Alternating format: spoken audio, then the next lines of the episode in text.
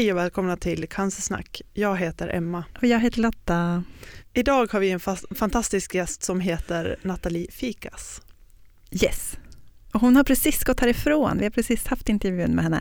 Och det känns som att hela rummet är så uppfyllt av energi, det är jättehärligt. Ja, verkligen. Jag behövde det där idag kan jag säga, för jag har verkligen gått på halvfart. Ja, men vi har en så, så härlig det... fredagsfeeling ja. nu, eller? för det är en fredag idag som vi har spelat Helt in. underbart. Mm.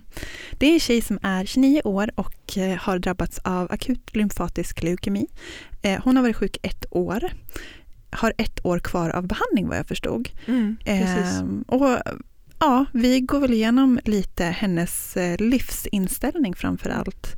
Hur hon hanterar sin sjukdom och hur hon, vad hon har för verktyg i vardagen. Mm. Eh. Otroligt inspirerande samtal blev det ju. Mm. Eh, jag tycker helt enkelt att vi rullar det.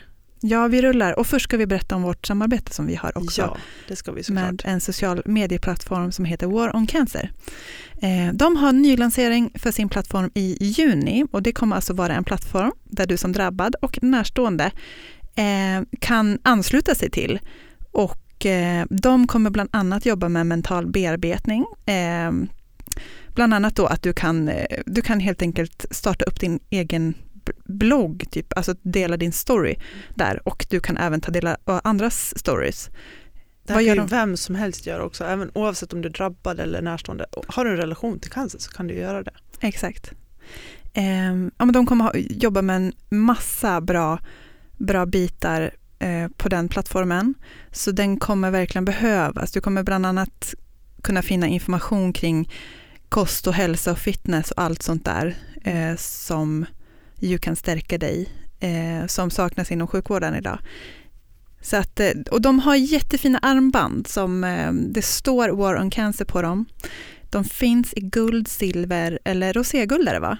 Roséguld tror jag. Ja, precis. Och eh, gå in på waroncancer.com och beställ ett armband. De är jättefina och de står för väldigt mycket bra.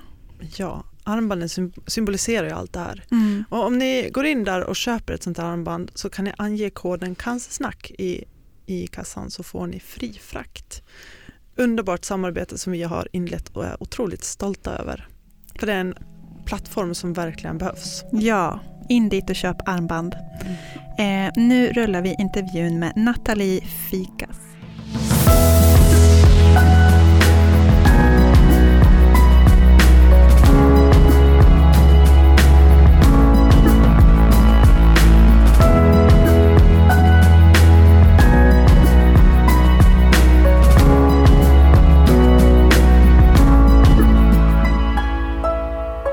Välkommen hit Nathalie Fikas. Välkommen. Tack så mycket. Åh, vad glada vi är att du är här idag. Jag med. Så kul alltså. Det är så spännande inför dagens avsnitt. Ja. Hur är läget? Det är jättebra. Jag är lite trött efter min galna Parisresa. Det var lite mycket vin och shopping. Eh, så jag försöker vila nu lite. Ja, hur länge var du där? I en vecka faktiskt. Åh, vad härligt. Mm. Ja, men vi följer dig på, på Instagram. Så där har vi sett dina härliga bilder därifrån och det såg ju verkligen underbart ut. Härligt. Ja. Bästa staden att möta våren i. Verkligen, Paris. håller med och mm. rekommenderar. Ja, Gud, ja. Eh, men reser du mycket? Ja, alltså jag älskar att resa. Jag har alltid älskat att resa. Min familj älskar att resa. Mm. Det är min bästa terapi och medicin mot allt här i livet. Mm. Så, så fort jag kan och doktorn säger go så drar jag. Ja men gud vad härligt. Härligt. Har du någon så favoritstad eller favoritresmål? Eh, det är ju Paris, ja. eh, för att min mormor bor där och mina kusiner och så. Mm. Eh, men också Polen och jag älskar att åka till så udda gamla öststater där ingen annan vill vara, typ Rumänien och Georgien och sådana oh. skumma ställen. Ja men gud vad kul. Du verkar ju ha så himla mycket energi och positiv inställning så. Har du alltid haft en sån här, sån här härlig inställning som du verkar ha? Ja, mer eller mindre faktiskt. Ehm, det är klart jag har varit tonåring och haft massa hormoner som har farit runt i kroppen och mått riktigt dåligt. Men jag började med självhjälp ganska tidigt eh, i mitt liv. Läsa typ böcker och förstå att det finns ett, typ ett självförtroende som man måste ta hand om själv. Mm. Och jobbat väldigt hårt med det. Och det är jag väldigt tacksam för nu när jag hamnat i den här svåra situationen som jag är i så har jag så mycket inom mig själv att falla tillbaka till. på Mm. liksom. Mm. Hur Ja. gammal var du när du började med det? Jag vet inte, kanske 13 när jag började Ah. typ så meditation och Mm. började liksom söka inåt mer. Mm. Gud vad intressant. Det där måste vi prata lite mer om. Ja men Mm. verkligen. Men om vi ska backa bandet lite då och, och prata om eh, ja, men hur, det var, hur det gick till när du, när du fick din, din cancerdiagnos eh, och när det var. Det var i april 2016, alltså typ för ett år sedan. Mm.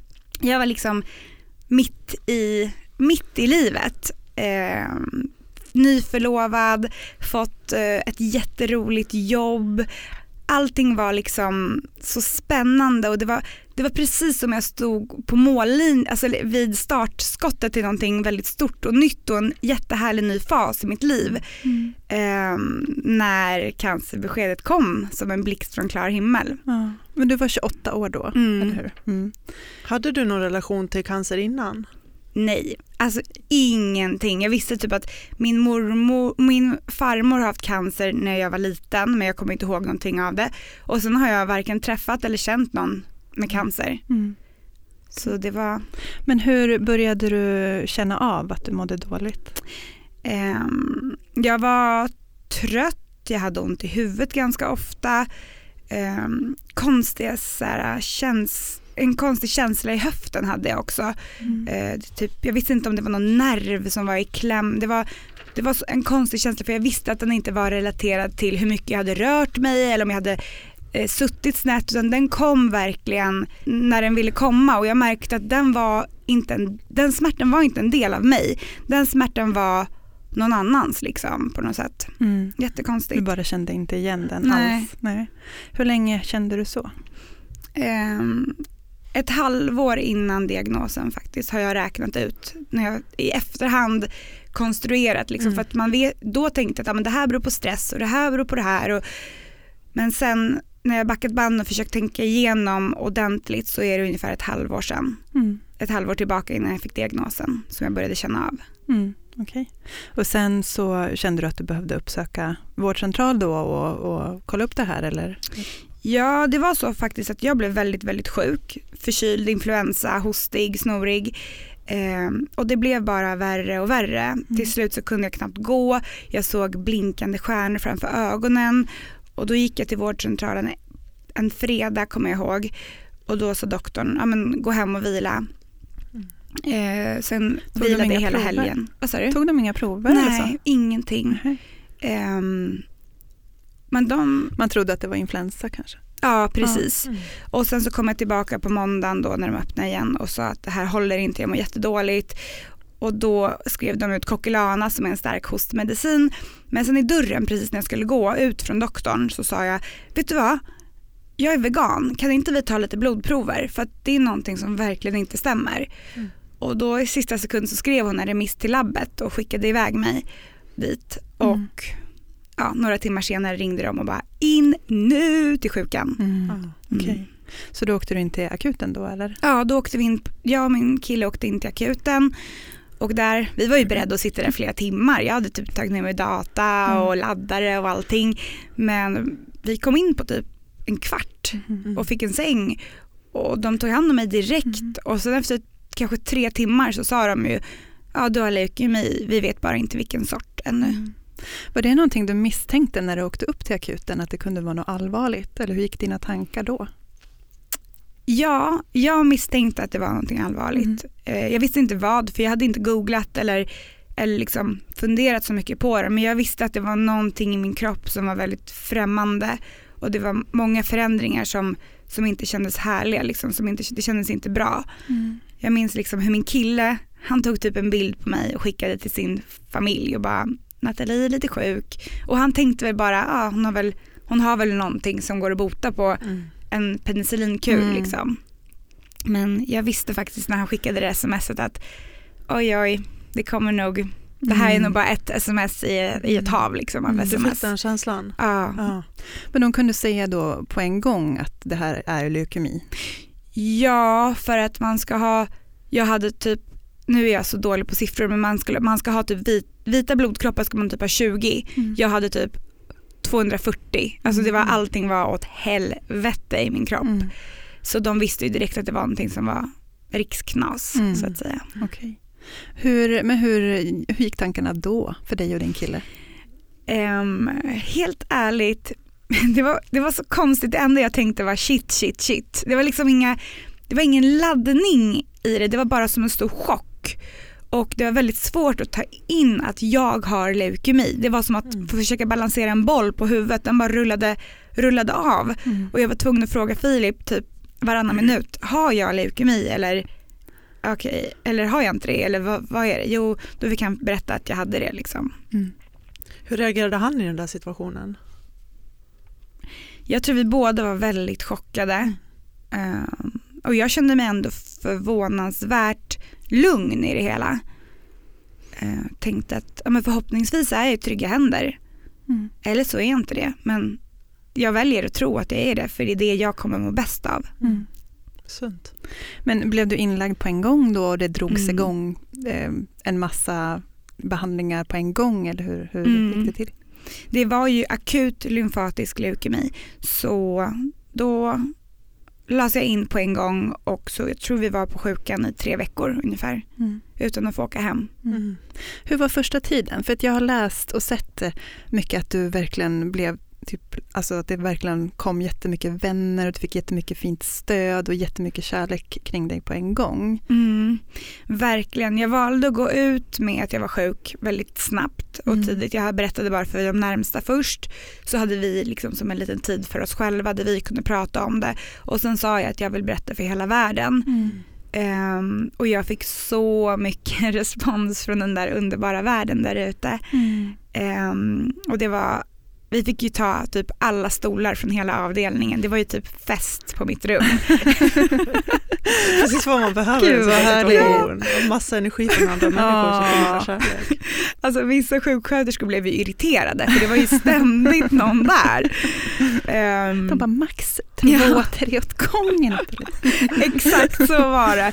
Och det var många som förvånade som kom för de bara, nej men oj vi trodde att du skulle ligga i sängen typ och gråta och vara alldeles blek i ansiktet men du ser ju ut som du brukar och du bara skrattar och ler och det är så det är nästan att man får mer energi av att vara med dig än att inte vara med dig. Liksom. Ja. Så nej men det var jättefint. Så jag fick många mejl och Mm. gamla polare som kom och hälsade på också som Mm. man inte sett på länge. Så det var Mm. väldigt, Vad fint. mm. Och det gav dig jättemycket energi. ja. Mm. Men kunde du, landade du någonstans i liksom beskedet? Eh, eh, Alltså hur, hur gick de tankarna? Kunde du liksom förstå allvaret? Eller, för jag vet att jag har läst att du ganska snabbt valde att fokusera på de positiva tankarna på något sätt. Att du, att du såg det positiva. Alltså förstår du vad jag menar? Mm. Jo, det är ju jobbigt att få ett sånt besked men Mm. jag tänkte ju bara att, men vänta hur reagerar jag i vanliga fall om jag är med i en, om en kris? Till exempel jag har blivit dumpad och jag vet att det bästa är då det är bara att resa sig upp och, liksom försöka hitta någon ny eller ha kul med sina Mm. kompisar eller det är ju precis, eller om man blir av med jobbet då hittar man ju också ett nytt bättre jobb än vad man hade sist. Jag har en sån inställning med mig att Mm. men okej, det här var lite tråkigt eller jobbigt men nu gör vi det bästa av den här situationen. Mm. Och jag tänkte ju direkt så här, men det här är ju perfekt resa, alltså det här blir ju en perfekt resa om man vill blicka inåt, vilket Mm. jag älskar att göra. Ehm, och ehm, bara, jag vill dela med mig av det här och vad som händer för att Mm. jag har inte följt någon med cancer och jag vet inte vad det är. Och jag skulle så gärna vilja dela med mig av alla tankar till alla andra. Så att de kanske kan hitta tröst i det här ifall någon annan är drabbad. Mm. Och att ingen ska behöva undra hur jag mår eller vad jag gör utan de kan faktiskt få se att jag lever och har det Mm. ganska bra. Ja men du gör det ju på ett fantastiskt sätt. Det Tack. måste vi säga.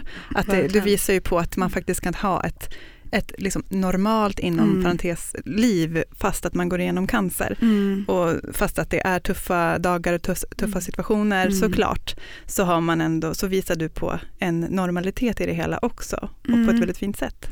Tack. Jag försöker verkligen ha en balans där jag visar sanningen. Jag vill Mm. inte bara lägga upp bilder när jag mår bra och har kul Nej. och, och, och, liksom, och kan ha ett vanligt liv utan jag vill försöka visa när man mår dåligt också.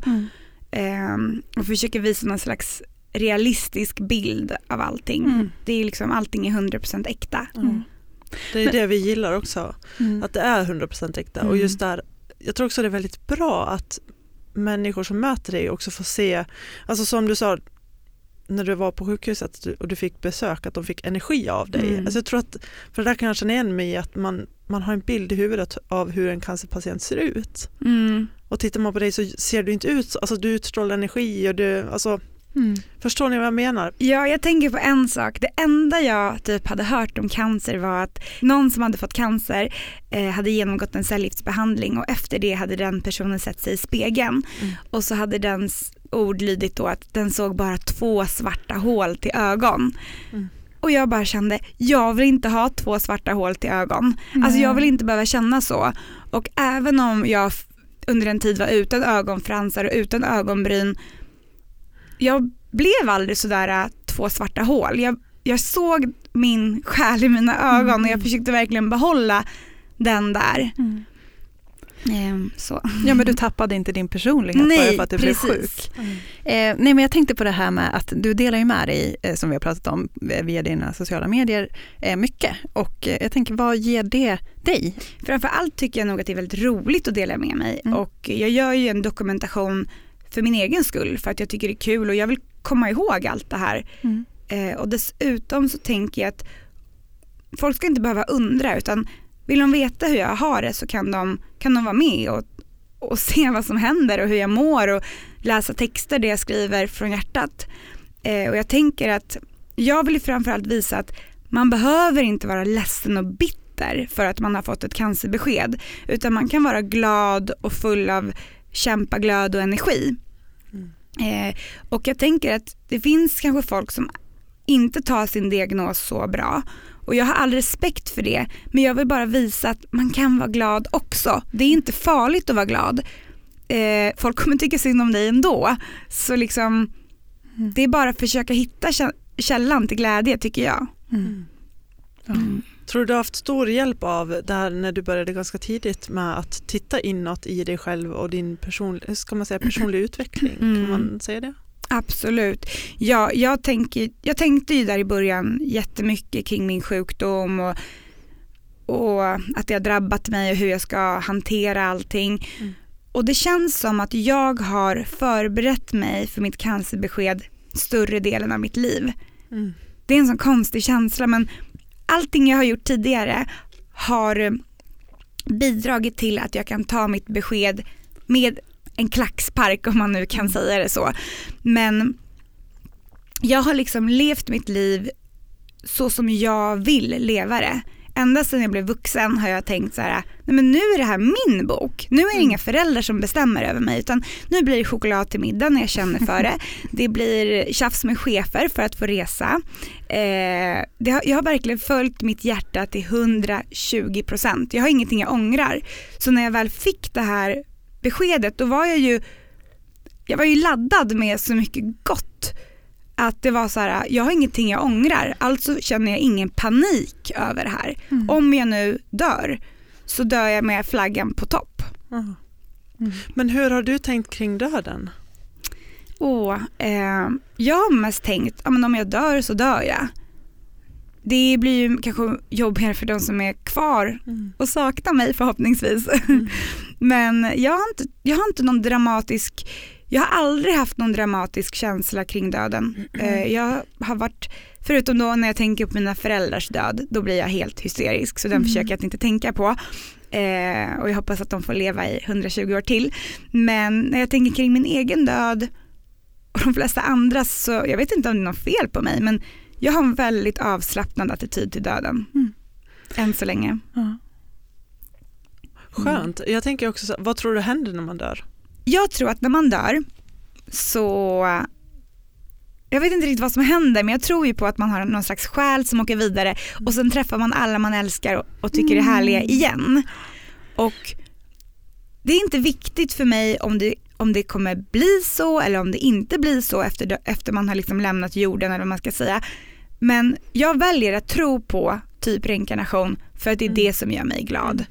Och sen, sen så spelar det inte så mycket roll om det Nej. blir så eller inte. Det där har vi sagt förut, att varför ska man välja att tänka på det som man inte blir glad av, som Mm. du säger, när det finns ett annat alternativ och det är ingen som vet, så det är ingen som kan säga så här, nej men där har du fel. Mm, Så det är, jätte, ja, det är ett bra tankesätt tycker vi. Mm. Jag brukar tänka så här ibland, eh, att när man dör så, så tänker, kommer man liksom känna så här, men gud vad är det här vi var så rädda för? Sluta, jag vill bara och komma tillbaka och säga så här, ni behöver inte vara oroliga. Gud vad fint, jättefint. Det ska jag ta med mig. Men du, eh, vi tänkte lite på det här med meditation, för det vet jag att Mm. du pratade om att du också började med eh, tidigt i livet. Mm. Att det, inte, det var ingenting som kom med ditt cancerbesked, Nej. utan det började du med ganska tidigt. Vill du berätta lite om det? Ja men som sagt jag har ju förberett mig hela livet för det här cancerbeskedet. Nej men när jag var typ 13 år så visade, eller så, så började jag meditera. Det var min syster som lärde mig, min halvsyrra.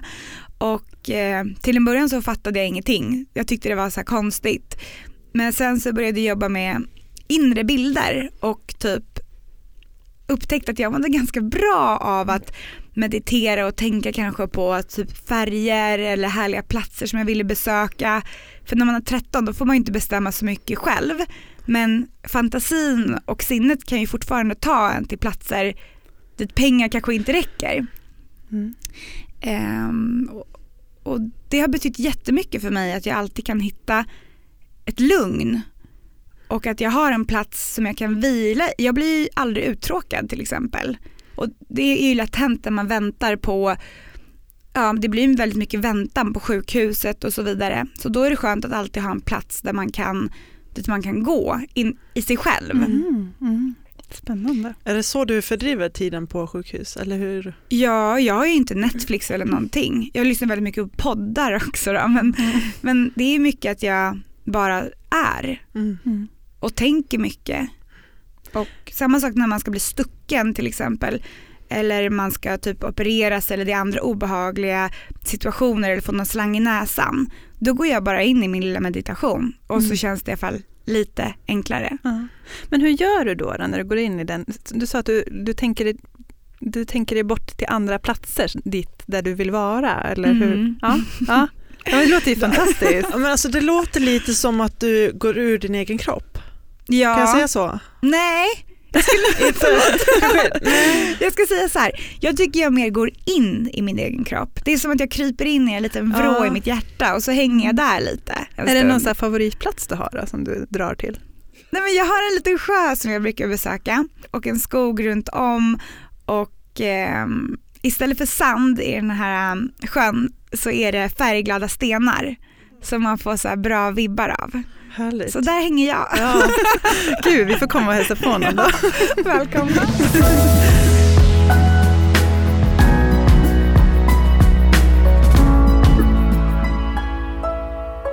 Nej, men sen vill vi ju så gärna, för att vi, eh, vi har sett att du har, och det här var när du var i februari, när du, eh, Mm. som du gjorde en sak som vi Ja, vill prata om. Det var på Vipassana, visst Ja. säger man så? Ja. Ehm, Tio dagars tystnad. Eller var det precis. det? Ja, Ja. Det var total tystnad i tio dagar utan mobil eh, med ett väldigt strikt schema. Meditation tio timmar om dagen och ehm, ja det var väldigt väldigt speciellt att vara där. Var det någonting du kände, alltså, för då var ju du, du gick på behandling då. Mm. Eh, Var det någonting du kände att nu måste jag göra någonting för att komma ner i varv eller, eller, eh, eller var du bara nyfiken på det? Eller varför, varför gjorde du Vipassana? Jag har varit nyfiken på Vipassana jättelänge. Mm. Eh, Jag har pratat lite med folk som har gjort det och känt så här, wow, att vara tyst i tio dagar, går det och vad händer inom en när man är det? Mm. Jag kan säga så här att ehm, det var en jättemäktig upplevelse. Ehm, det är ju väldigt tufft stundtals att vara och behålla den här tystnaden och meditera så många timmar om dagen. Det är ju inte så himla kul. Mm. Ehm, men saker som är lärorika är inte alltid så roligt. Mm. Ehm, att fokusera på sin andning som går in och ut från näsan i fyra dagar. Jag trodde jag skulle bli galen. Ehm, men det som hände med mig var i alla fall att efter, när jag kom dit till meditationscentret så var det, det var som att det var fyra poddar på i hjärnan samtidigt. Mm. Mm. Det var bara musik och jag hörde Fredrik Wikingssons röst hela tiden när han ska köra igång sin podcast för din favorit. Och jag höll på att bli tokig. Men efter fyra, fem dagar sådär så tystnade det. Mm. Och det som hördes var, det var min röst. Att Jag kunde höra vad jag tänkte. Mm. Och jag tror inte jag ens var medveten om vilket brus jag hade i huvudet innan jag åkte dit och fick den här tystnaden. Mm.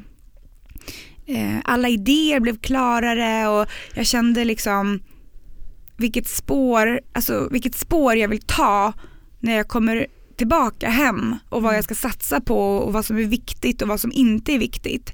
Mycket sådana tankar kommer. Mm. Insikter. Men var det så att ni inte, ni inte ens fick ha ögonkontakt och, och så? Mm -mm. Nej. Är det Ingenting. så till och med? Det är jättestrikt, så ingen ögonkontakt. Alla gick ju omkring med så här fettigt hår, ingen sminkade sig, alla hade typ jättemycket kläder för det var kallt. Var det i Eh, Sverige du gjorde det? Ja, det var i Sverige, det är Ödeshög mellan Gö- Göteborg och Stockholm. Mm. Okej. Men varför får man inte titta varandra i ögonen? Man ska gå in i sig själv. Ja. Precis, man ska gå in i sig själv och det är väldigt, väldigt härligt när man är där eftersom man inte får prata och kommunicera. Då är det ganska skönt att man inte heller har någon ögonkontaktskommunikation för det är ändå, det blir ju, det lämnar ju spår. Alltså man Mm. känner ju när man tittar någon i ögonen Mm. och man har inte tid att ta in någon där. Man måste fokusera på meditationen och på sig själv. Mm. Vissa som hade varit där, de hade varit där åtta gånger eller fler gånger. Vissa var ju första gångs meditatörer som jag. Och eh, det är väldigt skönt att inte ta in andra människor för de, man visar liksom inga häns, ingen hänsyn på något sätt då utan man, Mm. man behöver inte tänka så här, åh måste jag säga hej till den eller måste jag inte säga hej till den. Alla de tankarna försvinner ju utan Mm, man kan just det. verkligen, verkligen fokusera. Mm. Men var det, alltså jag har hört att det, att det händer någonting med en typ så femte dagen eller någonting. Att man, vissa kan nästan få en så extrem typ panikångest, jag har hört är ganska Mm. klassiskt efter Mm, några dagar. Eh, precis. Jag tror att det är femte dagen de flesta åker hem. ja. Ehm, varje kväll är det typ ett litet föredrag där de pratar om lite etik och moral och hur man ska tänka och vissa av de sagorna, så gamla indiska sagorna som berättas, de är ganska tuffa. Mm. Och jag tror att det var ungefär femte dagen där det var ett ganska deppigt föredrag. Mm. Och då, jag har varit helt förkrossad efteråt. Mm. Jag hade med min eh, så här, pillerburk med alla mina starka mediciner och jag bara räknade mina, mina dagar kvar på den här piller, Mm. på den här dosetten och bara en, två, tre, fyra, fem. Jag förstod inte hur jag skulle orka i fem dagar till där men Det är typ ett tillfälle kanske man vill ringa den som man brukar ringa om man, om man känner så. mm, Ja, och det får man inte göra såklart. Nej det var hemskt, eller det, det kändes hemskt att Ja. inte få ringa. Ja. Jag tittade ut över parkeringen och grät och tänkte så här, mamma varför hämtar du inte mig för? Man blev fem år igen. Men jag är lite nyfiken, för jag vet att du hade väldigt många frågor när du åkte dit som du ville ha svar på. Ja, jag fick svar på väldigt många så inre frågor. Ibland är, jag var mycket i så valet och kvalet och är det här rätt eller fel och så vidare. Och som sagt, man blir ju så nära sig själv där på den här meditationen och man ser mycket klarare vad som är rätt och fel. Ehm, så jag tror kanske inte, eller jag tror inte jag fick svar på de frågorna jag hade utan jag tror att bara nya insikter som känns viktigare dök upp. Och eh, man vet mycket mer vad man mår bra av efter att ha gjort en sån här resa skulle jag säga. Men eh, eh, hur ser dagarna ut nu? Alltså hur, eh, tänker du någonting på framtiden? Så. Jag tänker en del på framtiden och jag längtar efter framtiden. Ehm, jag längtar till, till dagar då jag inte vill sova hela tiden. Ja. Det är väldigt mycket sova nu Mm. och ehm, av vissa behandlingar får jag ganska ont i huvudet vilket gör att jag i stort sett bara äter och vilar hela tiden. Ehm, men det finns dagar också där jag mår som en kung. Mm. där allting är som vanligt och, och jag, kan, jag kan verkligen glömma bort att jag är sjuk och allting jag har varit med om. Men du sa innan här att du var på gång, att det var mitt i livet när du fick din, din diagnos. Eh, vart var det du var på väg då och känner du att du Känner du liksom att du har fått lov att ta en paus i det och ändra inriktning? Eller hur, ehm, hur, har, det liksom, hur, har, den, hur har den vägen gått? Mm. Jag tänker att eh, vi fick ju ta en paus i bröllopsplanerna, Ja. vilket kändes lite, ja, men lite tråkigt Mm. så. Men man anpassar ju sig bara direkt till den nya situationen. Och eh, som sagt, jag hade ju precis fått ett nytt jobb när jag blev sjuk och de har ju varit jättegulliga och stöttande och de, de väntar ju på mig. Mm. Ehm, jag var ju beredd liksom att jobba väldigt hårt då. Ehm, och kanske, jag, var ju, jag ville göra karriär. Mm. Ehm, det känns kanske faktiskt ärligt talat inte så viktigt nu på samma sätt. Även om jag verkligen är peppad på att börja jobba. För jag gillar ju när någon klappar mig på axeln och säger att jag gör ett bra jobb. Mm. Jag mår väldigt bra av det. inte det egentligen? Så jag gillar ju att jobba men det känns kanske inte lika viktigt det här med att klättra och ha ett flashigt jobb utan jag vill bara vara på en arbetsplats där jag kan skratta och ha roliga arbetsuppgifter och fina människor omkring mig och det har jag verkligen på min nya arbetsplats och jag vill bara jag vill bara tillbaka. Mm. Du är heltidssjukskriven nu. Precis, jag har varit heltidssjukskriven i över ett år nu så Mm. jag är verkligen jag har inte tänkt på jobb Nej. ens nästan Nej. utan jag är verkligen tänkt, jag jobbar med att bli frisk just Ja. nu. Ja. Du fokuserar mer på här och nu Mm. kanske. Ja. Men kan du inte berätta lite om eh, din, eh, om din vad säger man, fästman då? Eller hur? Mm. För han friade Ja. ja, precis innan. När, var, när friade han? Han friade i november och sen så några månader senare så blev jag sjuk. Ja. Så jag, jag är väldigt glad att han hann göra det faktiskt. För att jag tänkte att det bara var en ring men den ringen har betytt så mycket för mig. Speciellt under den här tuffa tiden. Mm. Och han friade på en öde ö i Filippinerna. Gud. Ehm, det var så underbart. Mycket roligare än vad jag trodde att bli friad till. Mm. Han har varit ett fantastiskt stöd för mig. Jag Mm. kan inte ens förklara hur, hur, hur tacksam jag är över att ha en så stark person vid min sida som inte har vikt sig för, för den här läskiga situationen. Det betyder jättemycket. Hur länge har ni varit tillsammans? Nu har vi varit ihop ungefär i sex år. Ja. Mm. Vi är väldigt olika. Så det har liksom varit, jag har alltid jag har alltid tänkt att han är min nya pojkvän. För det känns alltid så, allting känns alltid så nytt med honom eftersom han har ett helt annat perspektiv på livet än vad jag har. Men det har faktiskt gått sex år nu. Mm. Men eh, då när han friade så, så började ni planera bröllop? Ja, Ja. eh, jag hade glömt bort att man var tvungen att ha ett bröllop när någon friar. jag hade liksom inte tänkt på det att man måste ha någon ring och man ska bestämma klänning och lokal och allting. Så, um, men vi, tänkte, vi vill ha ett riktigt polskt galet bröllop. Mm. Så vi ska väl gifta oss i Gdańsk. Eh, Nej. Hur är ett galet där. polskt bröllop? Det är en vodkaflaska på varje bord. det är väl någon så här äh, zigenarorkester och eh, många gäster. Eh, inga tal Nej. utan bara röj. Inte som i Sverige där det bara Nej. tal. Typ. Ta, okej. Ja, i Gdansk, det är jättefint. Jag var där på bröllop för två år, eller inte bröllop, vad heter det? Läkarexamen. Nej, examen. Aha. Eh, En kompis till mig som tog examen där, som hade Kul. pluggat i Polen. Wow. Jättefin stad alltså. Mm. Vad spännande. Men eh, hur går, hur går planerna då? Det är så svårt när man är här så långt bort. Man ska prova någon meny och, och man har så många viktiga beslut att ta. Mm. Men vi ska försöka åka ner en weekend och eh, stämma av lite mer eh, hur, hur och var och när allting ska Mm. hända.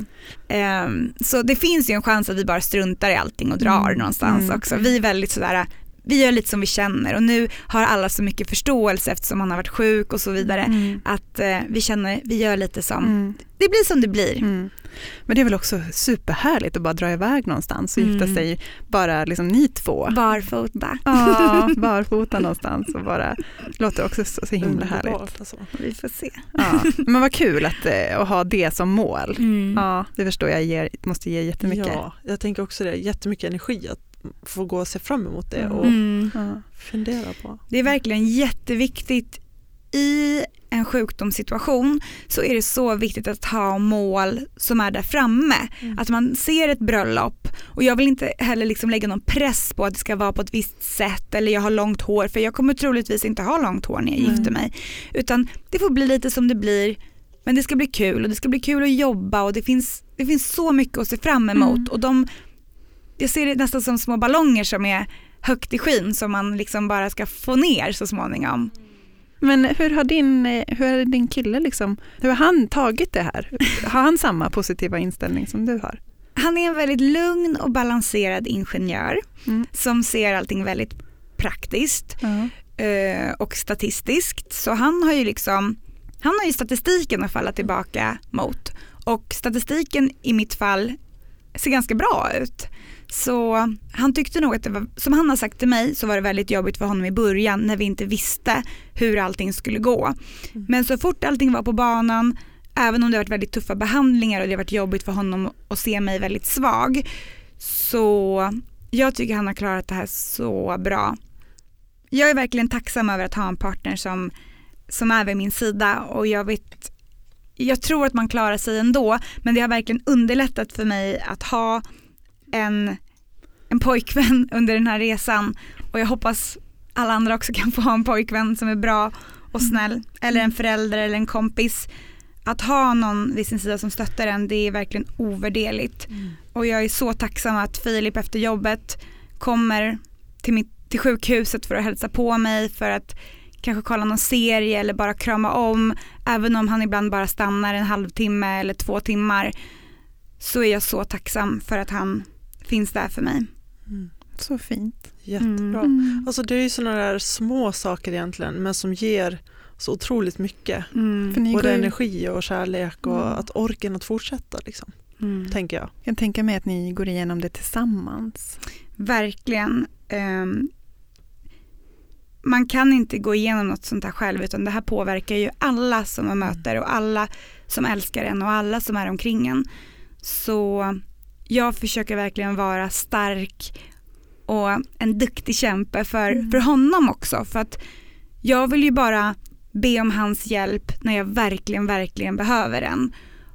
Och det som har varit så fantastiskt med Filip det är att han har aldrig behandlat mig som en sjuk. Mm. Alltså han ska ändå ha den bästa mm. kudden mm. fast det faktiskt är jag som har cancer. och det är så himla Känner härligt. igen det där.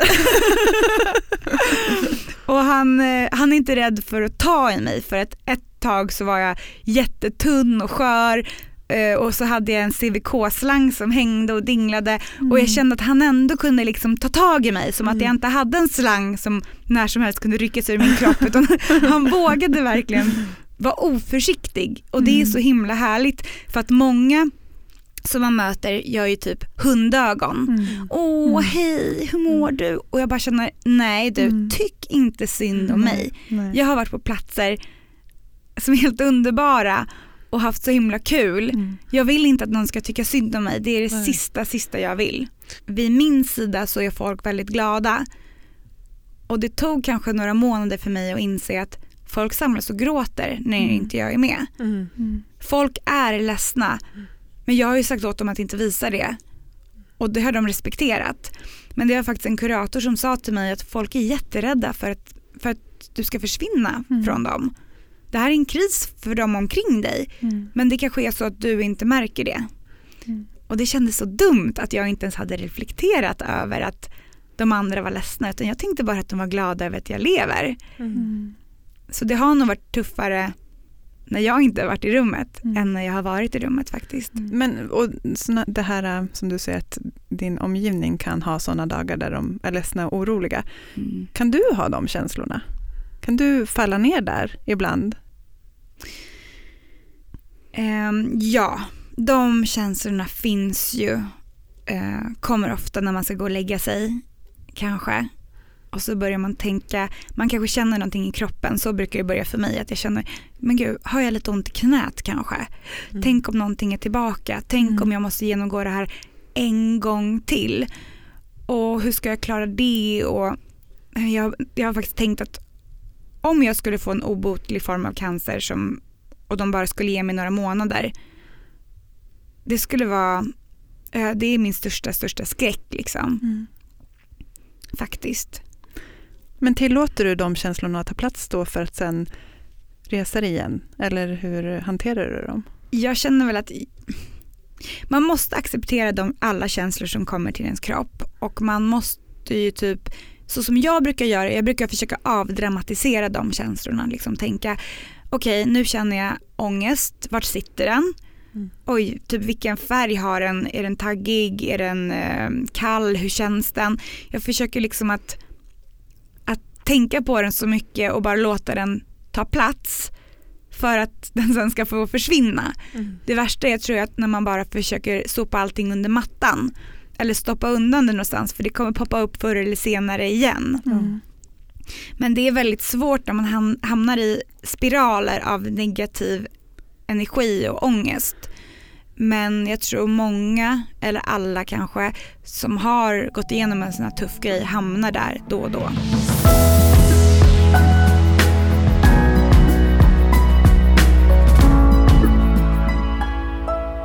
Men, eh, men hur, eh, för du går fortfarande på behandling Mm. och du kommer göra det ett år till.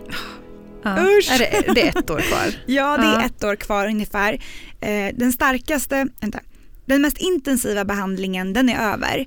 Så det finns ju nu mycket mer, jag mår ju mycket bättre nu. Det är inte intravenöst nu utan det är det tabletter du får? Cytostatika? Eh, ja, just nu äter jag tabletter varje dag med cytostatika och var sjätte vecka får jag stick i ryggen cytostatika. Av den kan jag bli lite trött och ha huvudvärk. Eh, och sen var fjärde månad under det här året så får jag intravenös eh, cellgiftsbehandling. Då är jag inlagd på sjukhuset. Och sen efter det så mår jag väldigt, väldigt dåligt. Det är hemskt att få det. Mm. Sist jag, alltså bara för kanske fyra veckor sedan, eller fem kanske, så kändes det som att jag hängde och dinglade i ett hårstrå mellan liv och död. Och det var liksom inte länge sedan, det är verkligen tvära kast i, i den här situationen. För behandlingen då som du mådde Ja. dåligt av? Aha. Mm, precis, man Mm. mår ju som sämst av cellgifterna, det är ju Mm. inte själva sjukdomen Nej. utan det är just cellisarna som är jobbiga. Mm, precis. Mm. Vad har du känt av med dem? Jag har känt av så många olika biverkningar. I början när jag fick min första cellgiftskur så trodde jag att de hade råkat lobotomera mig av misstag. alltså det var hemskt. Jag, jag kunde inte förstå vad min kille sa till mig när han frågade vad vi skulle äta till middag. Jag svarade bara, jag förstår vad du säger men jag kan inte svara dig. Jag hör bara dig men jag kan inte, jag kan inte koda Nej, det du säger. Jag kan inte, eller jag kan inte avkoda det. Ehm, min kille grät för att han trodde att, att jag var förlorad och jag trodde också att jag var förlorad. Jag låg, och, jag låg i min säng, kommer jag ihåg, och jag såg mig själv ligga i sängen uppifrån. Det var som att jag svävade ut ur min egen kropp. Mm. Jättemycket sådana läskiga saker hände då av, av den här starka dosen i början. Ehm, och sen dess har det rullat på. Men min kropp är ju van med cellgifter nu och min benmärg den är väldigt, väldigt sliten som de säger. Så jag blir väldigt trött nu snabbt av cellgifter och det är svårt för min kropp att återhämta mig eftersom jag har fått så himla mycket och så himla starka doser. Det dyker upp jättemycket olika bieffekter. Chemobrain är ju väldigt vanligt. Mm. Ehm, men man pratar väldigt lite om det på sjukhuset vilket jag tycker är så konstigt. Det var ingen som ville jag blev ju helt chockad när jag flög runt i rummet och inte, och inte kunde hitta tillbaka till min egen kropp. Jag var ju Mm. som på värsta drogen liksom. Men det var ingenting någon ville tala om. Och jag, jag frågade min läkare om det var på grund av medicinerna jag har så konstiga tankar och, och har känt mig så väck liksom. Mm. Men eh, de vill liksom aldrig kommentera det riktigt. Nej, det är märkligt. Mm. Just den informationen känns ju ganska väsentlig. Ja. För det vet jag min man också. Han kunde tappa ord hur lätt som Mm. helst. Han liksom glömde saker och han bara, nej men det är chemobrain typ. Mm. Eh, och det hade vi heller aldrig fått information om alls. Nej, och Men var det någonting som du, frå- frågade du om det? Fick du något svar? det Så. var så här, efter mycket om och men ringde jag min kontaktsköterska eh, och sa, vet du vad, jag känner mig så konstig i huvudet, det är någonting som inte stämmer. För att det har tagit mig en kvart att bara kunna slå telefonnumret till dig just nu. Det är någonting som är så fel, vad är det som händer? Och då sa hon, lite så här, det kändes som att hon sa det lite under bordet nästan. Googla Chemobrain. Aha. ja, lite så. Och så googlade jag Chemobrain och så kunde jag väl knappt läsa men jag förstod att det, det här händer. Mm. Och sen så... Du bara, jag kan inte googla. ja, precis. Ja. Men sen när jag kom tillbaka så var jag ju så tagen av den här chemobrainen och ville prata med läkaren om det. Men då sa de nej, nej, nej. Det där är bara i ditt huvud. Det är för att du har fått en så du har fått en chock över att du har en allvarlig sjukdom och du, det är så tungt för ditt sinne att hantera att, du, Mm. att du inte kan tänka klart. Mm. Men så känner inte jag, jag var ju ganska lugn i min sjukdom. Ja. Jag, vis, jag tror 100% att man blir påverkad av starka doser av mediciner. Ja. Det här är samma effekt som av droger. Jag har ju kompisar som är, som är konstnärer och de är ju ganska vana vid lite olika substanser och min kompis sa bara wow det du just har varit med om det kan man betala mycket pengar för att vara med om. Mm. Så det är nog det är nog väldigt starka mediciner som påverkar hjärnan helt enkelt. Mm. Men det är ju konstigt att man inte pratar om det, alltså att, man inte, att du inte fått information om det Mm. innan. Nej. För det kan ju vara rätt skönt i en sån situation att man är lite, sen kan man ju aldrig riktigt vara 100% förberedd när det gäller sådana här saker, hur Mm. man reagerar på mediciner och så, men just att den informationen borde ju bli lite bättre. Ja, jag tycker verkligen att man borde prata mer om chemobrain och sen är det ju så att olika människor upplever det på olika Mm. sätt. Eh, för att även om jag har ALL och till exempel Fabian Molin också har det så har vi ändå olika mediciner och vi har liksom olika behandlingar Mm. fast ändå ganska lika men vi känner ju av helt olika saker eftersom vi är två individer. Mm. Så det, allting är ju väldigt individuellt när det kommer till just cancer och, och allting man känner kring det. Och det är en superviktig information att du tar upp. För att det Mm. känns ju som att det är, kanske man inte, man kanske typ, ja men eh, jaha du också om man pratar med någon som har gått igenom samma. Mm. Och så frågar man hur den har gått igenom och så förväntar man sig kanske nästan Mm. det för att man vet inget annat. Man tror att jaha, men då Ja. kommer jag också förvä- kunna förvänta mig det. Och så blir det något helt annat. Mm. Det är så olika. Ja men jag blev ju så påverkad efter min chemobrain. Jag ville ju verkligen veta vad det var. Eh, så jag pratade med alla om det men jag insåg att det var nog bara jag på avdelningen just då i alla fall som hade fått, som hade flippat så himla mycket. Jag liksom jag försvann ju i några dagar i min chemobrain, det var som en dimma. Jag kunde bara ligga i soffan och titta på molnen. Och allt jag ville det var att någon skulle klappa mig på huvudet eller på axeln, sitta nära men inte prata med mig för att jag kunde inte svara på tilltal. Och eh, efter kanske fem dagar så började det släppa. Jag kände liksom att jag saknar inte mina kompisar, jag saknar mina egna tankar, jag saknar mig själv. Mm. Och sen efter några dagar när det släppte då sprang jag till en vegansk food truck och köpte en vegansk vaniljglass. Och jag blev så glad att jag kunde vara ute och kommunicera och köpa glass Mm. att jag grät när jag beställde den. Ja men gud. Ja, men alltså det tänker jag också bara en sån sak så, så viktigt att kunna känna att man kan prata när man inte kan prata, Mm. alltså bli av med den Mm. kontakten med andra människor då också. Men nu så går du på, nu har du, äter du tabletter. Mm. Och det mår du hyfsat bra av, eller hur mår du? Ja, jag mår ganska bra av mina Ja. tabletter. Eller jag, jag mår ju som en kung om man ska jämföra med hur jag mådde förut. Då Mm. var jag ju bara som en, som en trasig Mm. docka i ett hörn. Men eh, det är lite konstigt nu för att man mår bra men man mår inte sådär eh, vanligt bra. Det är kanske lite ont i huvudet, man är trött. Det är, allting är mer subtilt och det kanske Mm. inte syns och märks så mycket. Men jag känner att jag har ett jag längtar till, tills jag mår bra på riktigt. Mm. Så jag känner ju av tabletterna och speciellt de här stick i ryggen som Mm. jag får var sjätte Mm. vecka.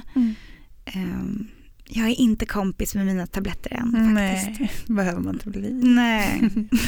Men om vi ska börja avrunda, men du, du ser eh, positivt på framtiden? Jag ser jättepositivt på framtiden och jag ser positivt på framtiden även om jag får vara med eller inte vara med. Jag, jag älskar livet och jag vill bara ta vara på varenda timme och varenda minut och varenda puss jag kan ge min kille och varenda prat jag kan ha med härliga människor. Verkligen. Jäkligt härligt fokus måste Ja. vi säga. Och jag vill verkligen tipsa alla människor där ute, speciellt ni som inte är drabbade, att ha, lev det livet ni vill leva.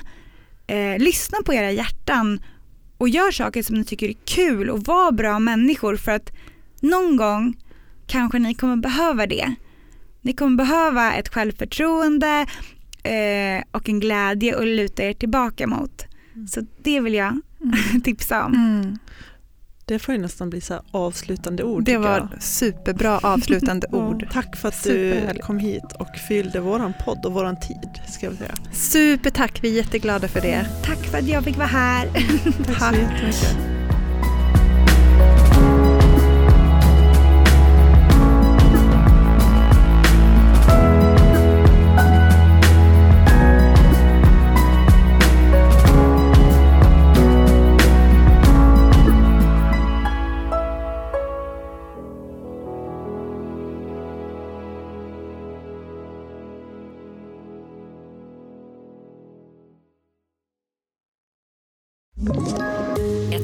Poddtips från Podplay. I podden Något Kaiko garanterar östgötarna Brutti och jag, Davva, dig en stor dos skratt. Där följer jag pladask för köttätandet igen. Man är lite som en jävla vampyr. Man har fått lite blodsmak och då måste man ha mer. Udda spaningar, fängslande anekdoter och en och annan arg rant. Jag måste ha mitt kaffe på morgonen för annars är jag ingen trevlig människa. Då är du ingen trevlig människa, punkt. Något Kaiko, hör du på Podplay. Därför är gardinerna.